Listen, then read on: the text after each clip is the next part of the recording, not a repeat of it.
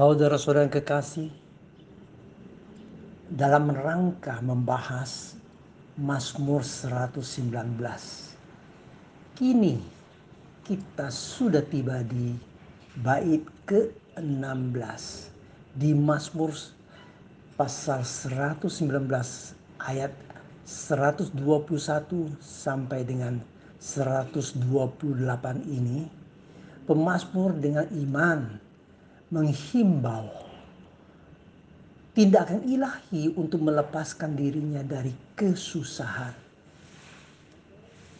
Dengan bahasa sehari-hari dari tindakan ilahi adalah campur tangan Tuhan. Pada waktu itu, Tuhan membiarkan orang jahat menindas umat Israel. Paling menjadikan adalah Tuhan membiarkan bait Allah dan kota suci dihancurkan musuh. Umat elik tertawan. Memang kemudian ada yang kembali ke tanah air. Tetapi banyak juga masih merantau di luar negeri. Karena tidak ada bait Allah. Maka didirikan sinagoge atau rumah ibadah yang kecil.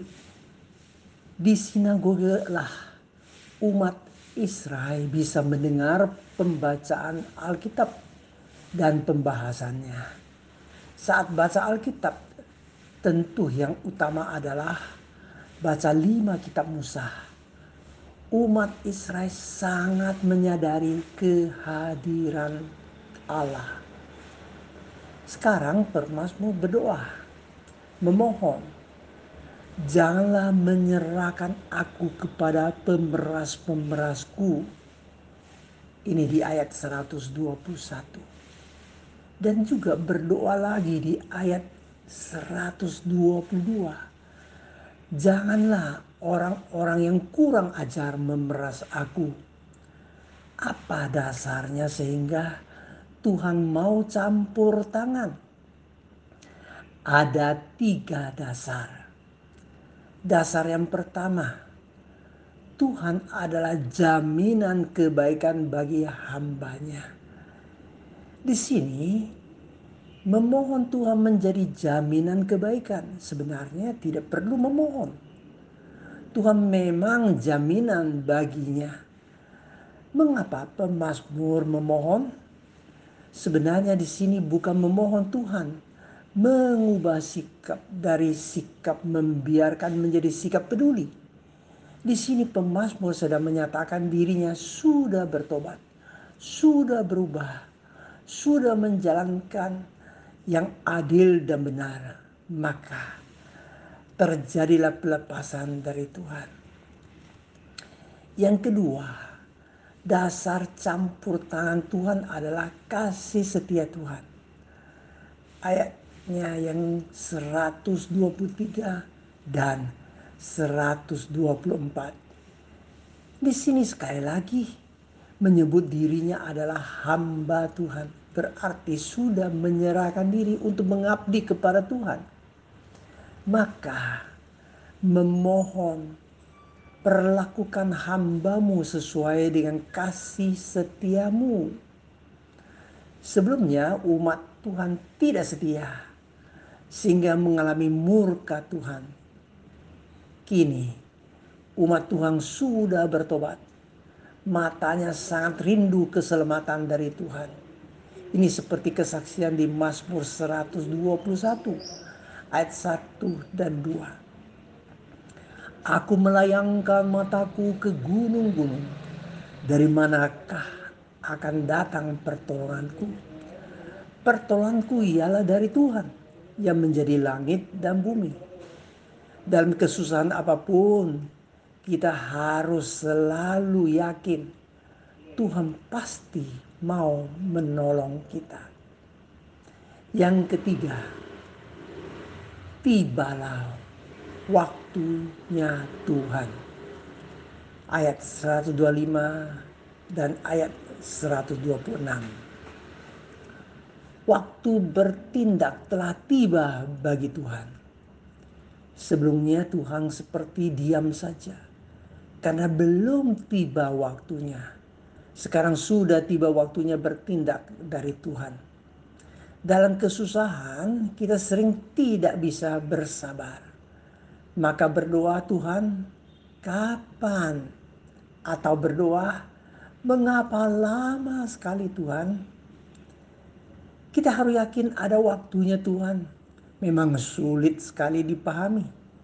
Karena itu wewenangnya Tuhan. Maka bagi kita yang harus dipahami adalah peringatan-peringatan Tuhan. Tuhan sangat tahu siapakah diriku. Namun diriku yang harus mengenal siapakah diriku. Di ayat 125 ini berdoa.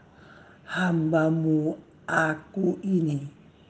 Buatlah aku mengerti supaya aku tahu peringatan-peringatanmu. Kita harus mengerti harus lebih mengenal Tuhan dan mengenal diri sendiri.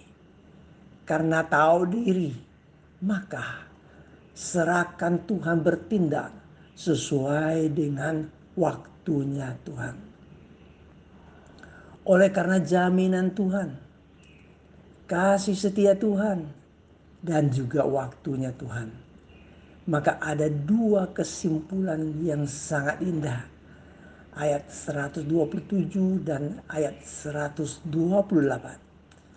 Masing-masing dimulai dengan kata itulah sebabnya. Itulah sebabnya aku mencintai perintah-perintahmu lebih daripada emas, bahkan daripada emas tua. Siapa yang tidak tertarik untuk mendapatkan emas? Namun daya tariknya firman Tuhan melebihi emas. Aku mencintai firman Tuhan, inilah kekayaan jiwaku. Orang yang mencintai firman Tuhan adalah orang yang sangat kaya. Namun kekayaannya tidak disimpan saja. Harus digunakan dalam kehidupan yang penuh berkat. Itulah sebabnya aku hidup jujur sesuai dengan segala titamu maka bencilah jalan dusta. Buanglah emas palsu yang membohongi orang. Peliharalah kehidupan beriman bagaikan emas murni yang teruji. Terakhir saudaraku yang kasih, marilah kita berdoa. Tuhan, aku mau mencintai firman-Mu dan aku mau hidup sesuai firman-Mu. Karena ada jaminan Tuhan, kasih setia Tuhan, dan ada waktunya Tuhan bertindak. Amin.